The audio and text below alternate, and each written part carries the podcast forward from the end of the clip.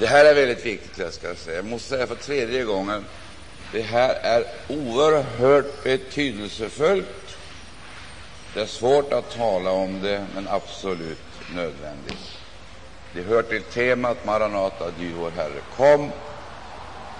Och att detta är så viktigt, framför allt viktigt just nu, det beror ju på alla besynnerligheter som man nu är vittne till i kristenheten, där eh, det ena så att säga överträffar det andra i, i underligheter. Det är, det är händelser och eh, det är eh, personer som åstadkommer en förvirring som naturligtvis är ett led för att uppnå ett mål. För att om de som ska kämpa Guds rikes sak i tiden tappar fästet eller blir förvirrade, så är de ju oskadliggjorda kan inte göra någonting. Och då är frågan, när man kommer in i, den här, i det här tillståndet av, av passivitet eller kanske till och med resignation, så leder ju det alltid fram till att man samtidigt blir upptagen och sysselsatt med någonting annat. Och Det jag säger här nu, det är kritiskt kan uppfattas som en ensidig kritik. Men det är verkligen inte avsett att vara det. Jag tror heller inte att det behöver uppfattas så. För att när jag uttalar mig kritiskt så är det mest självkritik och självprövning. Nu så ska jag läsa den här bibelversen som vi har läst tidigare. Det är alltså i Paulus första brev till Korinterna, Paulus första brev till Korintierna, 16 kapitlet och den 22 versen. Första brevet till Korinterna, 16 kapitel och 22 versen. Och där heter det så här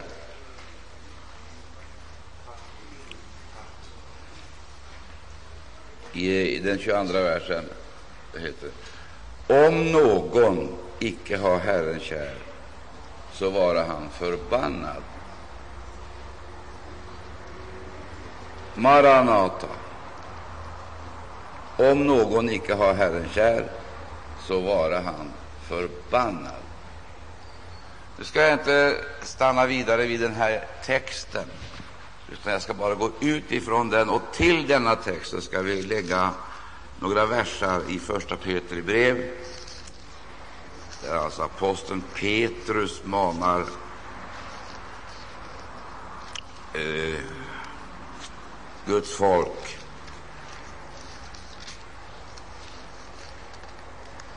Eller Andra Petri brevs första kapitel. Andra Petri brevs första kapitel.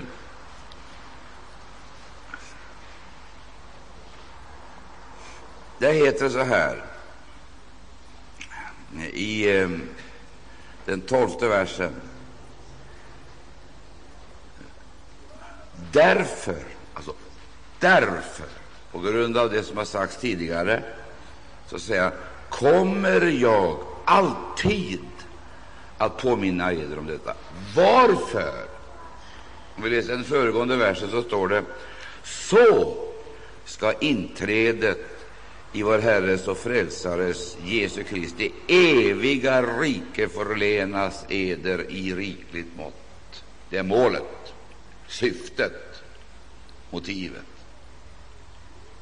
Vi kan läsa det där en gång till, för att det här talar om för oss vad det egentligen handlar om och hur detta ska bli möjligt Alltså, det här är alltså inga tillfälligheter, någon slump, utan här finns det en logik som man aldrig kan bortse ifrån. Det finns en logik. Det är ju inte så att det här, vill jag säga en gång till, är några tillfälligheter. Absolut inte. Och när jag säger att det finns en bestämd logik i det här, så är det alltså en lagbunden, gudomlig ordning man måste respektera. Man kan inte nå fram till det här resultatet om man ignorerar, alltså bortser ifrån, eller helt enkelt eh, låter de här klara, får jag kalla det förordningarna, så att säga, om man bortser ifrån det här. Och därför, därför är det så oändligt betydelsefullt att man lär sig de här elementära sakerna. Därför att det finns kristna människor som kommer till tro, alltså de kommer till tro och de tycks växa väldigt snabbt.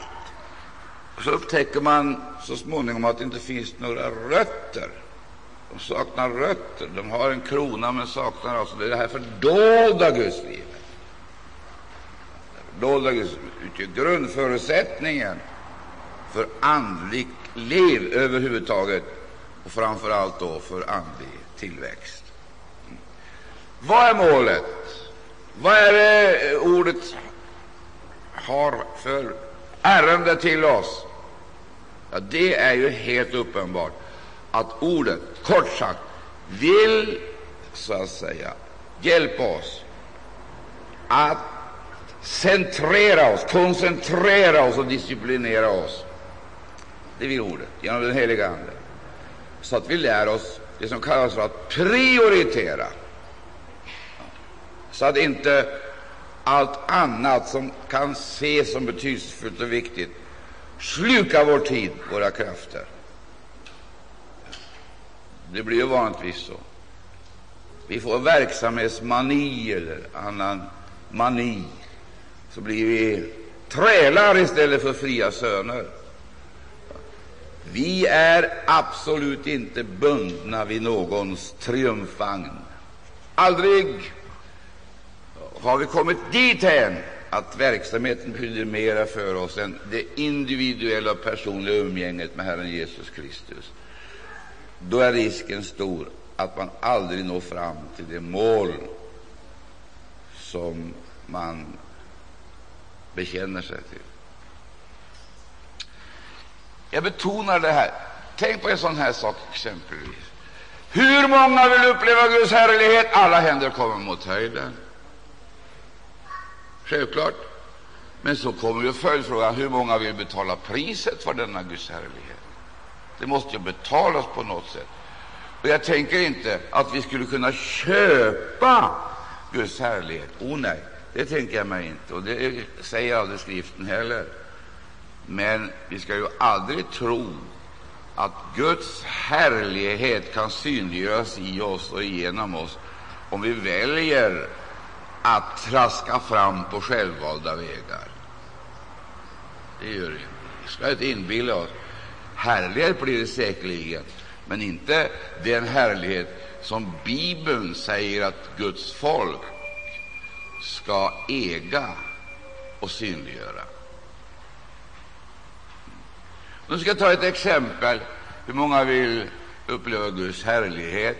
Här vi kan gå så Eh, rakt på sak som vi ställer frågan vem vill uppleva Guds härlighet här? Ja, förmodligen de flesta.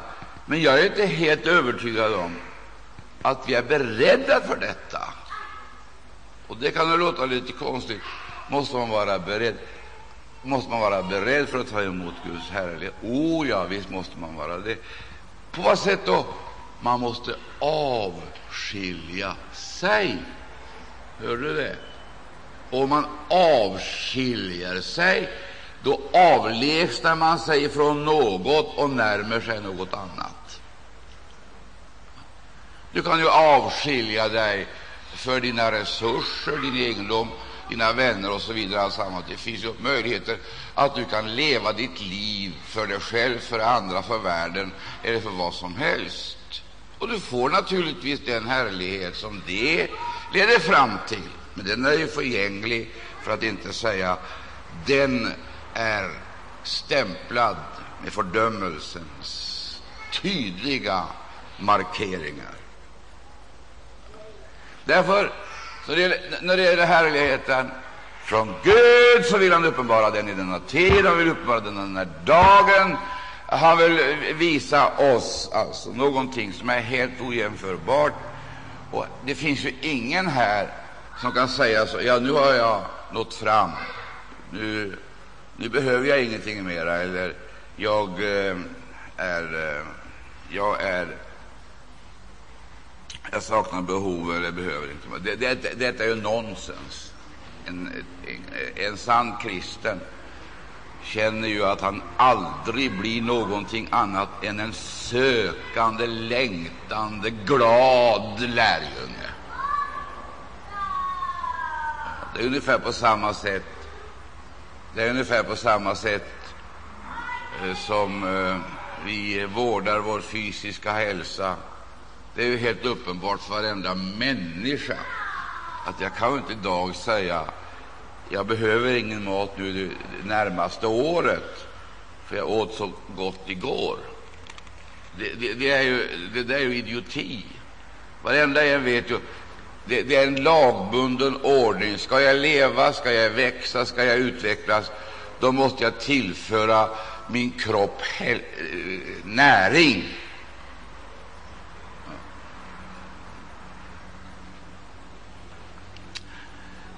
Jag vill skynda mig.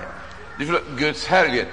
Gud är mer mån om att uppenbara sin härlighet för sitt folk än vi är att ta emot den. Därför måste han väcka oss, så måste han rena oss, och det gör han. Så måste han då få fylla oss, och det gör han. Men det är nu som det var förr. Och Jesus illustrerar det här. Jesus kunde ju ha förvandlat allt vatten som fanns i kanan till vin. Allt som fanns kunde han ha förvandlat. Han kunde bara ha sagt bli vin, och det hade blivit vin så att säga, i allt vatten som existerade i det samhället. Eller han kunde också ha sagt så här, förvandlat så att säga allt vin som, eller allt vatten som fanns i stenkrukorna, vilket i och för sig var vanliga. Han kunde ha förvandlat det till vin. Men det gjorde han ju inte. Han hade makt att göra det, men det gjorde han inte. Nej, vad gjorde han? Han förvandlade det vatten till vin som fanns i de avskilda stenkrukorna. Det är skillnaden, ser du. De var avskilda för hans räkning, och så var de uppfyllda med vatten de hade naturligtvis ingenting annat vatten än detta. Och vad gjorde man? Man fick ju plocka fram alla pjäserna ifrån de väl dukade borden, alla de här traditionella, vackra pjäserna eh, av olika metaller möjligen, av, som stod på borden. Fina, vackra, konstnärliga, men tomma. Då sa han, ta fram stenkrukorna, de som står vid dörren. Ta fram. Och då de blev avskilda och fyllda med vatten, jag skulle vilja kalla det för vardagslivets vatten, då blev de förvandlade till vin. Tidens vin. O oh, nej, o oh, nej. Det var inte alla stenkrukorna som fanns i kanan som fick vara med om förvandlingsundret. Det var de avskilda, och det är likadant fortfarande. Det är likadant fortfarande. Tror du det, så kan du säga amen. Precis så är det. Och då ska du få höra här. De kunde ju inte mixtra med det här vattnet, utan då är återigen en lagbunden ordning. Avskilt för Herren, det är en lagbunden ordning. Och sen uppfyllt till bredden. Det är en lagbunden ordning. Och det fick de göra. Fyll det med vatten efter att det hade blivit renat. Och sedan så sa han, ta nu det här och gå till experterna, de som kan det här, specialisterna. Gå till hovmästaren och be honom smaka på detta. Och Det är ju ingen anledning för oss att sätta igång och diskutera meningen, i, meningen med att gå och, och bjuda hovmästaren på vatten.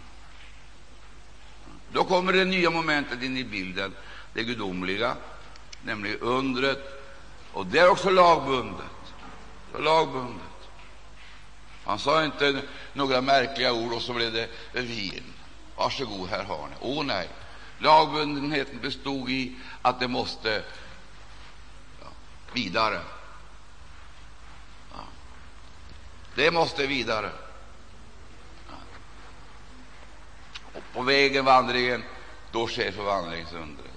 Pris Gud. Det, sker. det är lagbundet. Och försöker du komma hoppa över något så blir det inget annat resultat än det som är betingat av försumligheterna, underlåtenheten. Nu ska jag berätta en sak för dig. Vill du höra det? Du behöver höra det. Jesus lever. Han är uppstånden. Tror du det också? säger han med. Han sitter på majestätets högra sida och han väntar på Faderns besked om att få hämta hem den församling som han har köpt med sitt eget. Väntar att få möta församlingen i den enorma generalrepetition som snart ska äga rum på skyarna, då vi ska sjunga Mose och Lammets sång. Och då vi har haft den första övningen på himlens skyar då ska vi eskorterade av himlens härliga och heliga gå in i staden och sjunga på ett sätt som vi aldrig förr har gjort, utan inskränkning eller begränsning, utan rock, pris Gud, men med en fullständigt ny och härlig sång. Gud vare lov, som gör att himmelens härliga och heliga inte bara förvånar sig, utan de faller ned i tillbedjan för något liknande har de aldrig hört. Det är då församlingen är hemma, slutfrälst, ska ta emot, ära vare Gud, ta emot vad då för någonting? Och de ska ta emot hyllning, kan du tänka dig det? De ska hyllas, denna församling som har varit förföljd och okänd i tiden de ska hyllas i höjden, Gud Fadern till ära. Ja. Ja, nu kommer jag in på ett sidospår, men man kan ju inte låta bli. Kan du förstå vad som väntar oss? Nej, det kan du inte. Men den heliga Ande kan göra det synligt och klart för dig, så du börjar leva här i tron som om du redan vore där. Alltså, så ser vi det att det är lagbundna ordningar. Och det är ju helt klart och tydligt att om inte vi kommer in i det här eh, in i det här förhållandet, alltså, då kan vi naturligtvis göra en och annan erfarenhet, men det kommer aldrig att leda fram till någonting annat än ytlighet. Och ytligheten, det är andlighetens största fiende. Hör du vad jag säger? Ytligheten och förflackningen. Och det är därför Satan är så oerhört angelägen om att fånga människornas intresse av ting som verkar legala och riktiga, men som alltid har samma ödesdigra effekt, att man kommer ut ur ordningen, den gudomliga ordningen. Och därmed så kommer man liksom på avstånd eller på distans ifrån själva centrum och ifrån källan. Och vi vet ju att när Guds ande kommer igen och igen och igen så är det nästan alltid det är nästan alltid samma bud tillbaka till husets ingång. Tillbaka till husets ingång. Och där under tröskeln, där flyter strömmen frisk och levande. Och i det här, i det här fallet så betyder ju tillbaka, framåt. Det betyder tillbaka till husets ingång, under husets tröskel.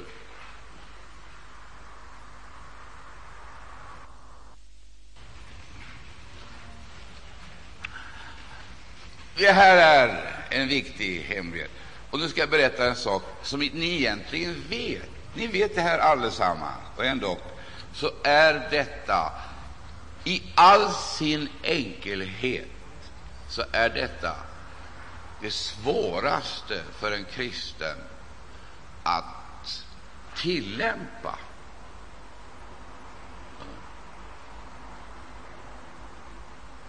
Du, om jag kommer ner och bjuder dig på den här tillbringarens innehåll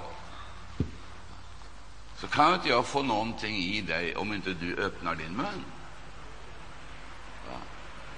Och sen om du öppnar din mun så kan jag inte hälla det i dig hur mycket som helst, för jag kan ju kväva dig. Du måste ju dricka, svälja. Det verkar som många kristna inte begrep det där. Antingen så stänger de munnen och då får inte in en droppe, eller så öppnar de hela gapet och så ska alltsammans rinna ner utan att de behöver på något sätt, på något sätt alltså, påverka eller det är lagbundet. Ja, det är lagbundet. Det är ingen mening att du slår hela tillbringaren över det. Du måste få det i dig. Och ska du få det i dig så måste du öppna truten åtminstone. Och sen när du har gjort det så får du ju inte bara svälja, du måste ju dricka. Jag kan ju inte dricka åt dig. Jag dricker så mycket jag orkar, men inte blir du så att säga mättad av det. Här sitter den ena och dricker och den andra sitter och torkar. Den ena öppnar och vill ta emot, och den andra har något utav, jag vet inte vad det kan vara, det är så mycket av konstigheter som människor så att säga angrips utav, så att de, de dricker ju inte. Vi ska ösa med fröjd! Vad då? Ur frälsningens källor. Vet du vad kärlet heter? Det heter fröjd. heter det. Hör du det? Kärlet, det heter fröjd. Ta kärlets fröjd, drick i tro till Gud. Svälj! Ingen gör det åt dig. Gud ger dig vatten, men du måste själv dricka. Och det här är ingenting annat än lagbunden ordning, ett underbart samarbete där tron är verksam.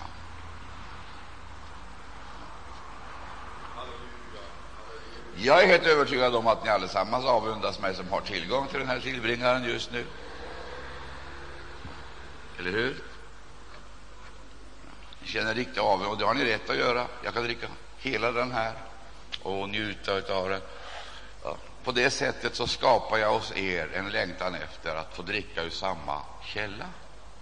Det är det vi ska göra. Det finns en helig avundsjuka. Den säger jag skulle vilja bli lika salig som han. Jag skulle vilja bli lika frimodig som han. Jag menar inte mig nu, men vi kan tänka oss vem som helst som är glad och frimodig. Jag skulle bli. Ja, och då svarar han eller Jo, det är sant, men då får du dricka ur samma källa. Dricka. Jag kan inte dricka för dig. Nej. Men du kan få vatten så mycket du vill! Och skriften säger att du behöver inte ens trampa. Det hör Gamla testamentet till. Du behöver inte trampa. Det flödar fram, upp som en springbrunn. Ära vare Gud. Och då kan man fråga sig, vad är det som flödar upp och är så livgivande? Ja, det är ju rättfärdighet. Flödar upp med rättfärdighet. Flödar upp med glädje. Flödar upp med tillförsikt och levandegör hoppet. Sämre ställt och hures vägnar är det inte för någon av oss som sitter här än att vi begriper att om jag nu sitter här och dricker och ni är törstiga. Och jag är en Herrens tjänare som har fått fullmakter. Med händers påläggning, ära vare Gud, profetord, så blir din längtan uppfylld. Eller med undervisning så blir du så att säga eh, hugsval av vederkvikt. Inte sant? Vet du vad jag skulle göra nu? Nu ska jag ta innehållet och slänga det över det och säga elden brinner. Nej, än faller regnet. Gör det så säger jag. Ja. Och då är alltid den här frågan, alltid den här frågan, därför att det är lagbundet. Eh, eh, när jag gick in här i tältet, så sjöng det i mitt hjärta halleluja, halleluja, källan ingen botten har. Hur det är med den saken vet jag inte. Det är kanske möjligt att varje källa måste ha en botten. Vad som är viktigt är att det finns någonting i källan. Och gör det det? Finns det någonting i trons källa? Gör det det? Finns det någonting? För du förstår, du är så utsatt, så attackerad jag skulle vilja säga på alla vis och genom alla kanaler, alla impulser utifrån, de är verkligen inte uppmuntrande. Det är så mycket deprimerande i omgivningen, och dina ögon ser det, registrerar det, analyserar, definierar det, och du kan ju känna dig fullständigt besegrad av omständigheterna. Eller hur? Och sen allt som kommer inifrån, allt som kommer inifrån.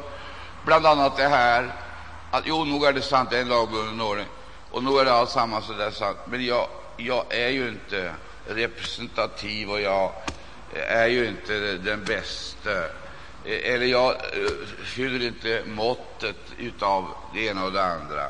Så börjar den här tonen av anklagelser, självanklagelser, som alltid leder fram till samma självförakt. En dålig kristen.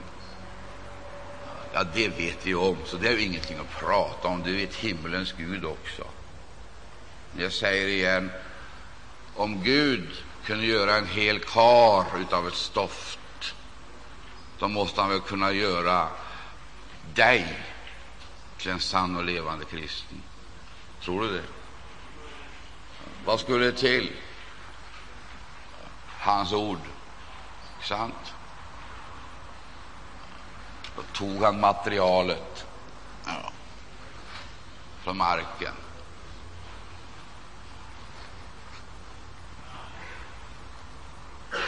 Ja, det är ju så enormt.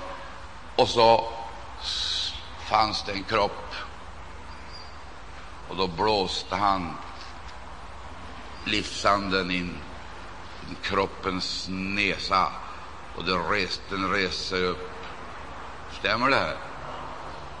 Stämmer det här? Ja. Det är lagbundet. Vi säger, vi säger under och mirakler, och så menar vi att det ligger utom lagen. Det gör det inte. Under och tecken, det är en gudomlig lag som hör himlen till. Vi kommer att förstå det bättre när vi kommer hem.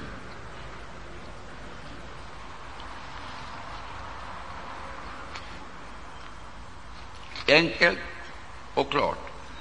Du behöver den här källan som sköljer undan alla dessa attackerande tankar.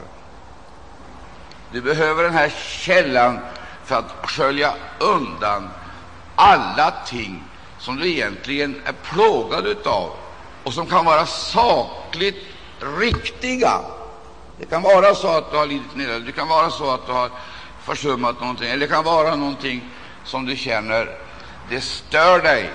Det är som ett, som ett gnagande inre oro. Det alla kännas vid. Det är som en kardborre Eh, i, i själen de sitter där och inte vill lämna.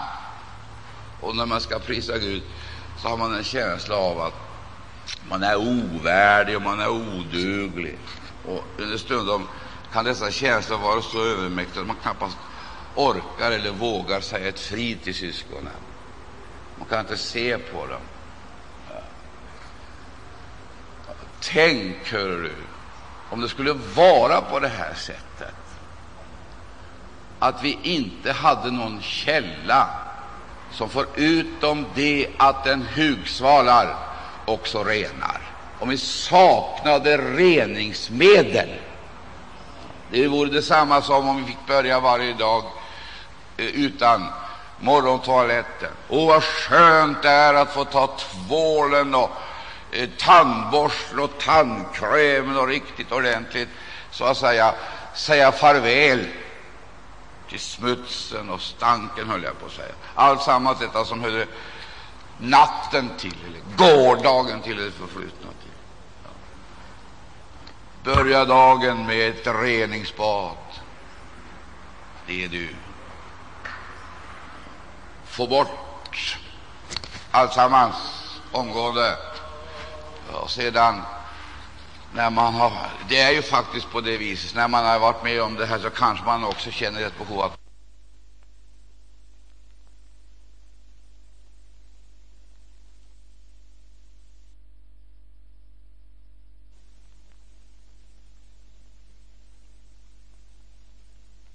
duscha lite extra.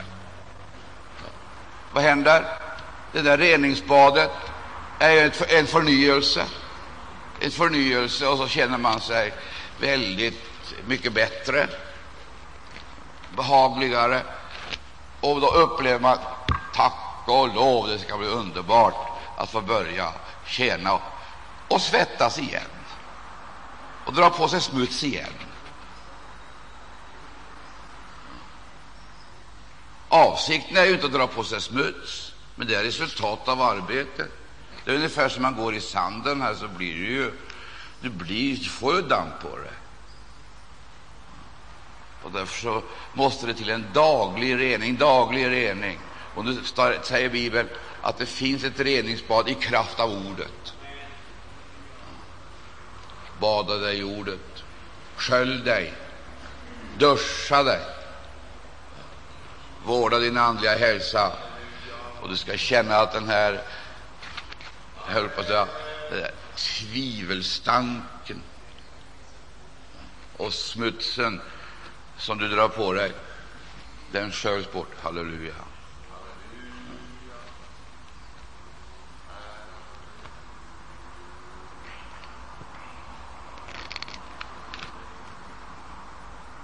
är ingen som behöver det här, varenda en. Men risken är den att vi blir så upptagna med allting annat att vi förlorar kontakt med verkligheten, skapar en annan overklig värld som inte är förankrad i Nya testamentet. Och då får vi alltså våra egna lagar, våra egna principer, våra egna metoder och våra egna resultat. Och det är alltid något som är diametralt motsatt vad Bibeln lovar. Och så begriper vi inte att konsekvensen av det här, det är ju egentligen att man börjar hänge sig åt en annan Kristus. Man blir antikristisk. Vet du vad det är för någonting? Tar de antikrist som ligger uppe på ett väldigt högt, högt, högt plan. Väldigt högt, där man måste vara profet för att förstå, känna och kunna uttyda. Det, det ligger på ett så väldigt högt plan. Inte, inte är det sant. Vet du vad Antikrist är? Det är ju personifierad hedendom. Ingenting annat. Om den hedendomen hör hemma i gamla romarriket, i den grekiska världen eller hör hemma i Österns länder och har olika namn och så vidare, så leder den alltid fram till samma resultat. Antingen hedendomen är svensk eller norsk, antingen den är kristnad, katolsk eller protestantisk, så är det samma gamla hedendom, ingenting annat. Mammonstillbedjan är ju ingenting annat än, eh, är ju ingenting annat än hedendom. hedendom. Girighet är ju hedendom. Riterna det är vanligtvis hedendom. De kan ju naturligtvis se olika ut. Symbolerna kommer också att stå i hedendomens tjänst, därför att symbolernas tid är förbi och verkligheten finns i Kristus. Himmelens Gud gråter därför att vi istället för att dyrka Gud dyrkar ormen, kopparormen, som kom med oss på vandringen, ormen eh, som eh, eh befriade Israel från giftet. Så de såg på den så blev de befriade. Stämmer det? Och så fixeras vi av ormen. Så tar vi med det, och så fattar vi inte. Detta är hedendom. Så fort man tillbeder någonting annat på något område, då beträder man hedendomens territorier.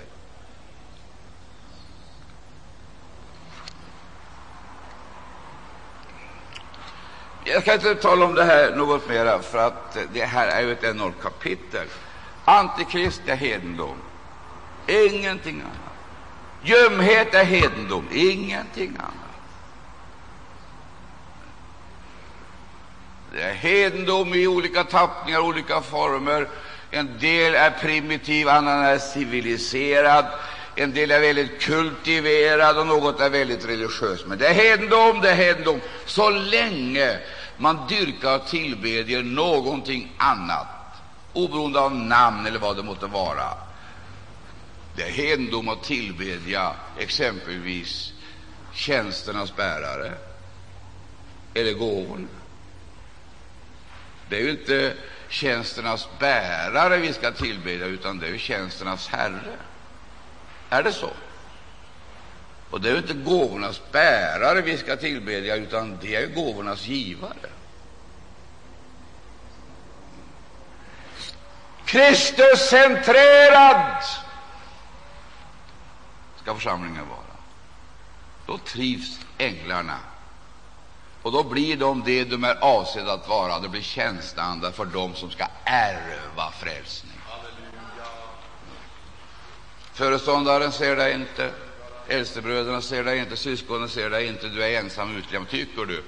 Och så ser du inte att alldeles bredvid dig så står det en ängel, din ängel. En ängel det står om barnen att deras himmelske fader står det. ser dem. Så sägs det också att änglarna skyddar. Och då står de tjänsteanda. Hur skulle Petrus ha kommit ut ur fängelset utan en ängel? Det fanns inga syskon som hade nyckel till de där förfärliga dörrarna och portarna. Och det fanns överhuvudtaget ingen som vågade öppna heller.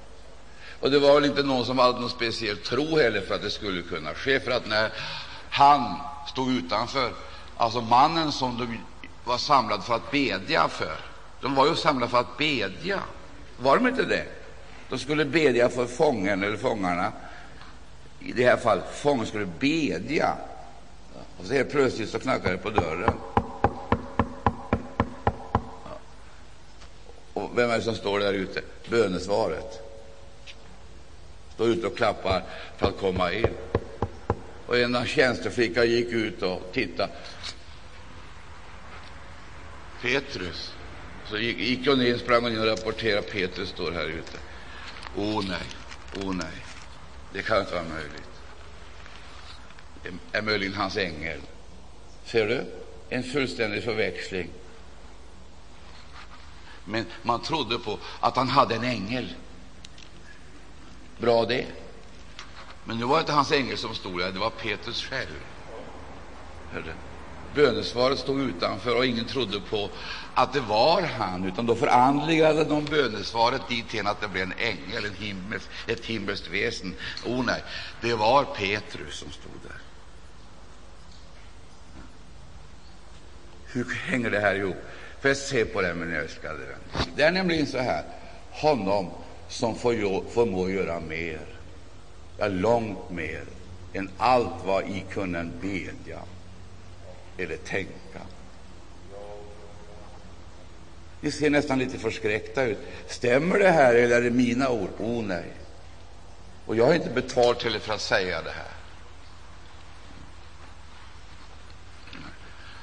Och jag har heller ingen ordination för att förkunna det av någon kyrka eller samfund. Men däremot har jag fått en smörjelse som har lärt mig en hemlighet, även om det inte alltid är så lätt att förstå innebörden av det. Hemligheten är när Gud är trofast. Gud är trofast. Varför ser du så ledsen ut när Gud är trofast? Han överlämnar dig inte. Du är inte ensam fast du ser så ut. Och fast du känner dig förtryckt, så är detta inte verkligheten, det är ett sken. Du kan uppleva det i din känsla, men tron säger att Gud är större än våra känslor. Ja. Och Gud säger genom sitt ord att de som är med oss är flera än motståndarna. Guds folk är alltid i majoritet där de, därest de lever för Gud. Det är därför jag inte röstar. Därför att jag är i majoritet. Jag behöver inga röster för att klara av det här. Nej.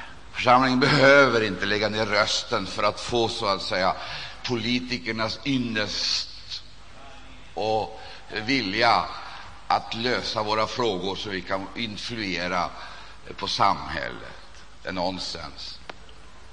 Det är fullständigt nonsens.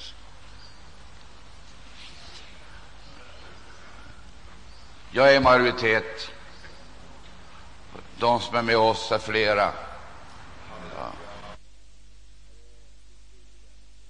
När det blir turbulenser och besvärligheter ja. och vi kanske också blir ängsliga och påverkade av miljön, då säger han så långt, men icke längre. Har du varit med om det? Då visar det sig att Guds folk har ett andligt övertag, ett andligt övertag. Och det gäller att ta, så att säga, detta, inta detta, denna position, så att man får detta andliga övertag. Du, jag blir så frestad att gå in på ett område som vi kan utläsa om vi studerar exempelvis sändebreven. Det är ingen som finner något speciellt uppmuntrande och trösterikt i Laodicea. Det är väldigt mycket, det är väldigt mycket som är deprimerande och som man kan ställa frågan ja, det är ju förfärligt att det ska vara så här, men det är ju ingen som kan förneka att då situationen också i Laodicea presenteras så illustreras av en gyllene ljusstake. Hör du det? Det var sju gyllene ljusstakar. Det fanns ingen speciell legering för Laodicea. Det gjorde det inte. Det var inte så att eh, det fanns en annan kvalitet i ljusstaken. Nej, det var det inte. Det var en himmelsk kvalitet. Och då kan man fråga sig hur det är möjligt. Ja, det är någonting förunderligt. Hör här. Om någon, om någon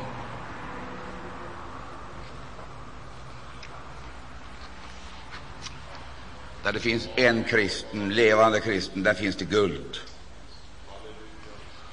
Där det finns två finns det guld, det vill säga allt det som har något som helst värde i församlingen, det är av himmelen. Det vill säga, det är artbestämt på grund av ursprunget. Så. Jag räknar inte med att alla kommer att förstå det här eller intressera sig för det. Men vad jag däremot är mycket angelägen om det är att det är någon som förstår att ta tillvara dessa värden. Oh nej, inte ta tillvara, men vara detta värde.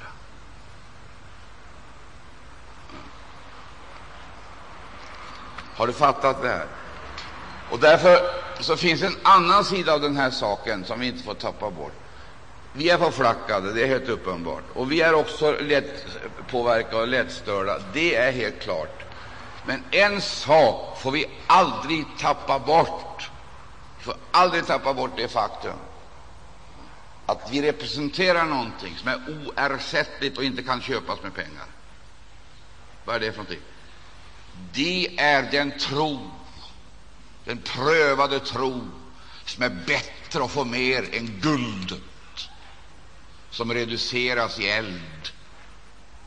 Ser malmen, den är stor och voluminös till dess den reduceras i elden. Då skiljs slagget ifrån den ädla metallen. Detta är bilden på den levande tron. Jesus talar om tro som är senapskorn, sa han det, som lyfter berg. Kyrkan talar om en tro som ett berg som inte kan lyfta ett senapskorn. Det är skillnaden. Det är aldrig voluminöst, det är nästan mikroskopiskt. Det är osynligt för det mänskliga ögat, men det representerar en himmelsk kraft. Och just detta, det är som en atomkärna.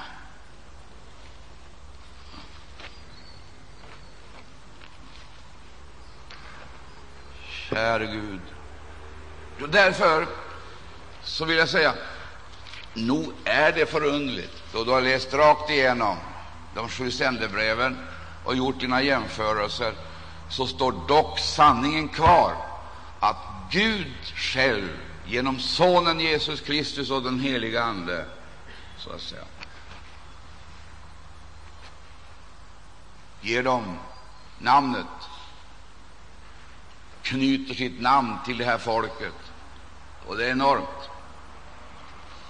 Och det visar sig att dessa guldkristna, om de inte är i flertal, dessa guldkristna med den betrövade tron, som ser så ringa ut och så anspråkslöst ut. De har en väldig betydelse, därför att de representerar något värdebeständigt, något, all, något som aldrig devalveras. Vad är det för någonting? Det är himmelska kvaliteter. Det är himmelska kvaliteter. Tror du det? Hur ska man då förklara Laodicea? Jag tänker inte förklara det alls. Jag koncentrerar konstaterar bara att om brevet till Laodicea ska skrivas så börjar det med en Kristuspresentation. Om Laodicea, så att säga, sägs det, så säger han. Och så presenteras Kristus. Sedan, när Kristus är presenterad, för där har du garantin, borgen för förändringen, korrigeringar, omvändelsen, den finns inte i oss, för vi har inga sådana förutsättningar. Den finns i Kristus. Kristus presentationen, och den är likadan, inte med avseende på innehållet, men presentationen som sådan, den finns i samtliga brev, också i Philadelphia, i Efesus. Det är Kristus det är frågan om. Förhållandet till Kristus, förhållandet till honom det är det som är det avgörande, helt avgörande, och det som är det slutligt bestämmande.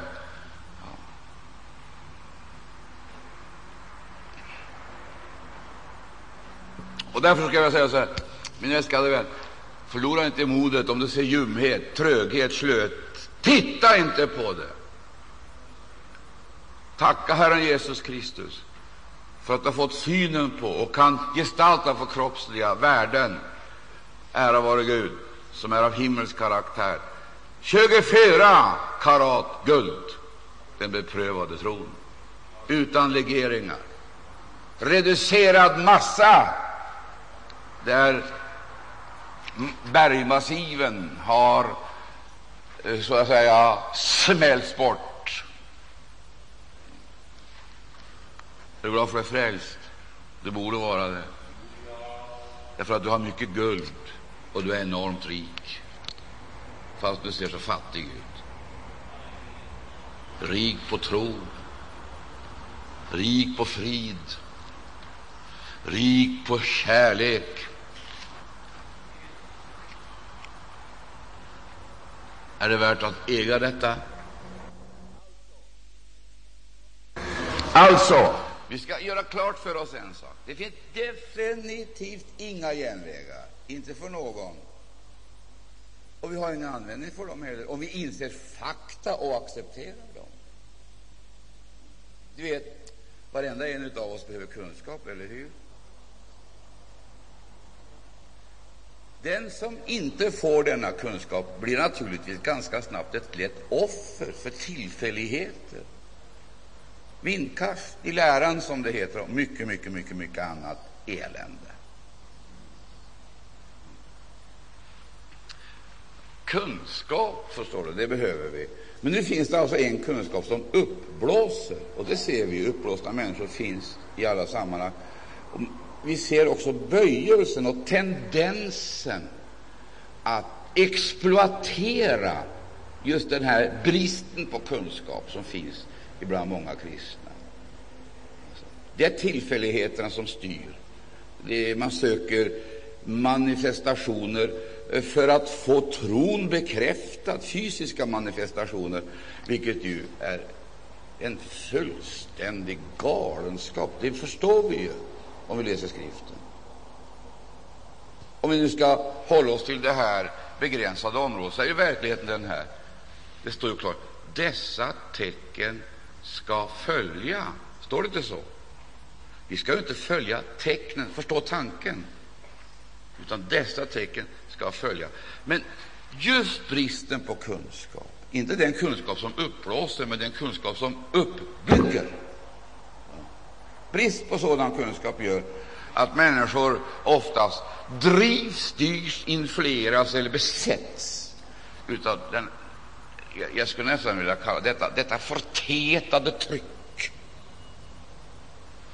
att få tag på, uppleva, erfara. Och då kan vi ställa upp alla motfrågor, alla våra reservationer. De är många, enormt många. Ska vi inte uppleva någonting? Ska vi inte känna någonting? Ska vi inte vara med? Detta är nonsens. Man kan inte vara tillsammans med Jesus utan att uppleva någonting. Det kan man väl inte vara? Vad jag talar om, det är reduceringen, den beprövade tron. Det är det jag talar om. Och den, beprö den beprövade tron, det är ju gestaltningen förkroppsligandet av Herren Jesus Kristus. Är det inte det? Och den beprövade tron, det är ju inte den tro som sträcker ut sina händer eller sina armar eh, för att få tag i en speciell välsignelse vid ett speciellt tillfälle. Med speciell. Visst inte, visst inte. Det är någonting helt annat. Den beprövade tron, det talar om erfarenheter som kan åtminstone tillfälligt se väldigt negativa ut. Om du tänker dig malmen som ska befrias ifrån slagget, det är ju ingen ljuvlig erfarenhet. Oh, nej. Den ska reduceras, och det är riktigt grundligt. Så att det blir nästan mikroskopiskt, men sedan så är det frågan om äktheten av det som finns kvar.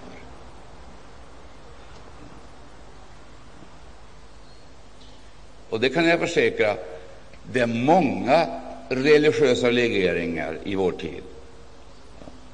Mycket som ser så glänsande och fint ut, men som definitivt saknar äkthet. Frågan är, Tror du på Guds härlighet? Ja, det är åtminstone en som gör det. Tror du att den är verksam idag, att den finns, att du kan nå den och får på det sättet utstråla den? Det är ju det det är frågan om. Att utstråla Kristi härlighet, det måste vi göra klart för oss. Det är ju någonting långt annat än allt det andra som vi kan utstråla.